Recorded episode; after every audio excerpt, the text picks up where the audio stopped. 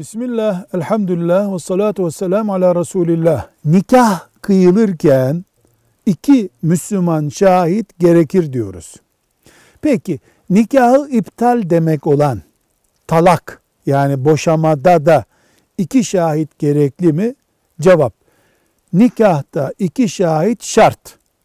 Ama talakta iki şahit şart değil. Olması tavsiye edilir uygundur, doğru olandır ve gereklidir de ama farz değil, vacip değil. Talak şahitsiz de olsa gelini bulur. Velhamdülillahi Rabbil Alemin.